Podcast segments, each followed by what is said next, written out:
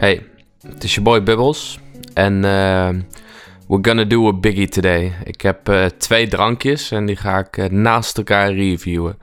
En het zijn, nou, toch wat bekendere namen. Um, ik heb Coca-Cola Zero Sugar Cherry. En ik heb Pepsi Max Cherry. De beide cola's. En uh, ja, uh, ik ga ze naast elkaar leggen en dan kijken welke van de twee lekkerder is. Uh, nou is natuurlijk uh, bij voorbaat al Pepsi Max Cherry mijn favoriet. Dat kan ik je nu al zeggen. Ik kan je ook wel een gewogen review geven, maar daar zijn we niet naar op zoek.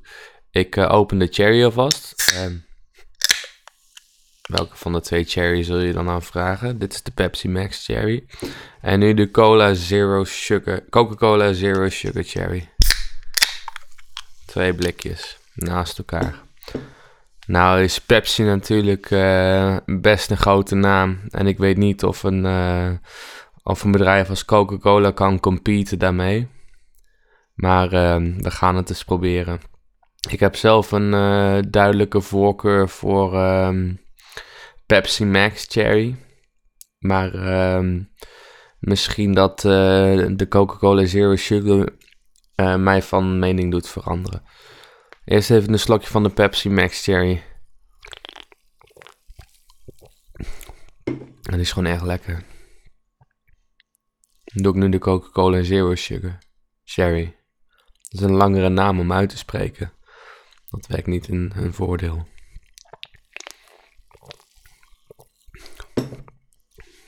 Ja, die is ook wel lekker.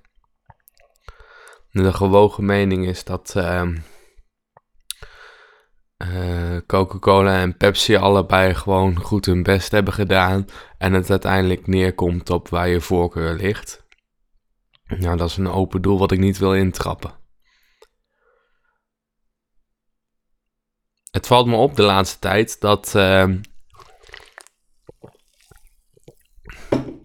dat mensen bij bepaling van tijd of bij bepaling van plaats een werkwoord soms gewoon herhalen.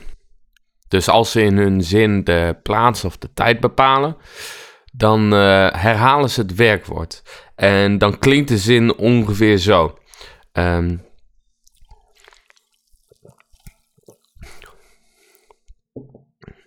nou, als je ze zo naast elkaar uh, drinkt, dan uh, proef je weinig verschil. Ik proef wel een verschil. Daar kom ik zo op terug. Dan klinken de zinnen ongeveer zo. Uh, ik ging gisteren ging ik naar de supermarkt toe. En dan begint de zin met ik ging. En dan komt de bepaling van tijd, gisteren. En dan komt nog een keer het werkwoord. Ging ik. Ik ging, uh, gisteren ging ik. Of... Uh, ik was uh, bij kerstmis, was ik uh, de kerstman. Hè? Dus het herhalen van dat werkwoord. En als je, als je daar eens op gaat letten, dan zie je dat heel veel mensen dit doen.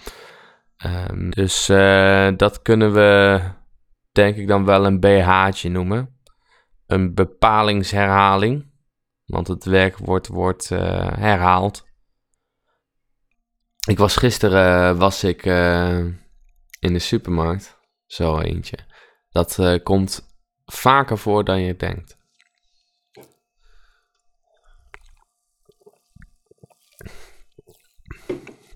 Ik drink nu steeds de Pepsi Max Cherry eerst. Die is vooral makkelijker uit te spreken. De Coca-Cola Zero Sugar Cherry. Die drink ik dan als tweede.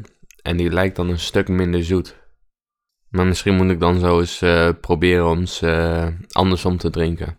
Ik vind de Pepsi Max Cherry gewoon heel lekker. En heel makkelijk uit te spreken.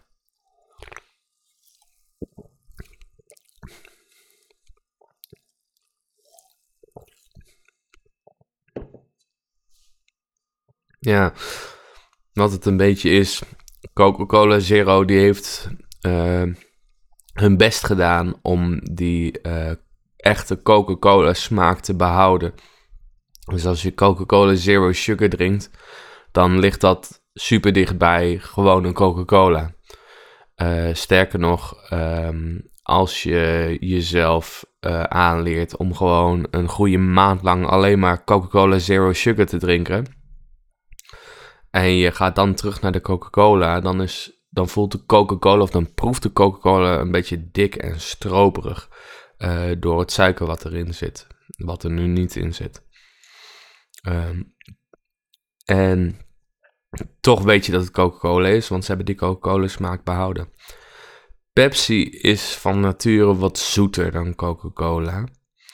En als zij dus hun Max-versie maken, dan uh, willen ze dus ook zorgen dat dat zoete echt erin blijven. En al helemaal met cherry.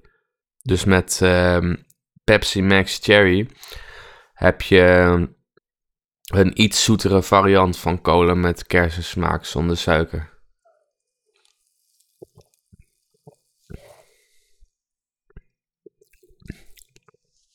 maar wel net zo lekker. Als je mij eh, een keuze zou geven tussen ik heb een gewone Pepsi met suiker of ik heb een Pepsi Max Cherry zonder suiker, dan zou ik voor de Pepsi Max Cherry gaan, omdat die gewoon lekkerder is. Nou ben ik natuurlijk heel veel aan het praten over uh, Pepsi.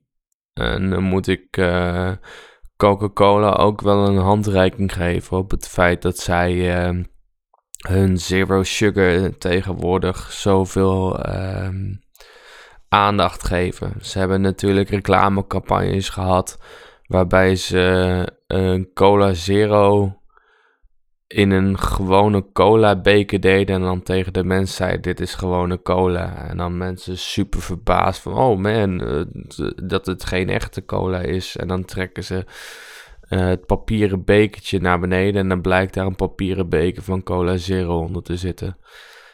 Super geloofwaardig natuurlijk. Maar ze doen wel iets aan hun imago en ze hebben nu een nieuwe verandering erin. Dat is dat ze het blikje Coca-Cola dezelfde rood maken. En het zero sugar is nu alleen nog maar een balk. Ik was van plan om uh, Coca-Cola Zero Sugar zijn, uh, zijn butt te kicken. Uh, en zeggen dat Pepsi Max gewoon beter is. Maar ze zijn gewoon allebei wel lekker. Dat is een, een hele onbevredigende conclusie. Want ik heb hem eigenlijk al aan het begin van de podcast gezegd. Maar goed. Ik bedoel, uh, als je van uh, onbevredigende conclusies houdt, dan ben je hier denk ik ook wel op de goede plek. Ik heb een boek gekocht uh, van Wim Daniels. En die gaat over zo verbeter je je schrijfstijl. Het is wel een interessant boek. Nou, ik zou dus een keuze moeten maken Uh, in dat geval zou ik Pepsi Max Cherry een perfect 10 geven. Dat is wel mijn favoriete drankje. Ik zou Coca-Cola Zero Sugar Cherry een 9,8 geven. Omdat hij toch lekker is, maar omdat mijn voorkeur bij de Pepsi Max Cherry ligt. Um, moet ik natuurlijk wel een beetje verschil tussen die twee doen. Maar Coca-Cola Zero Cherry, you didn't disappoint me. Op zich een goed drankje.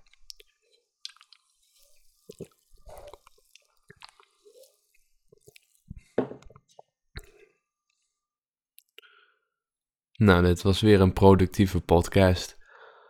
Ik uh, kan het blikje niet kraken, want anders moet ik uh, een halve liter cola in 10 minuten opdrinken. En uh, dat kan ik alleen als ik niet aan het praten ben. Um, maar we zitten nu wel tegen het einde van de podcast aan. Dus ik wil mijn podcast graag aanprijzen. Uh, ik ben uh, boy Bubbles. Ik review frisdrankjes. En uh, ik praat daarbij over het leven.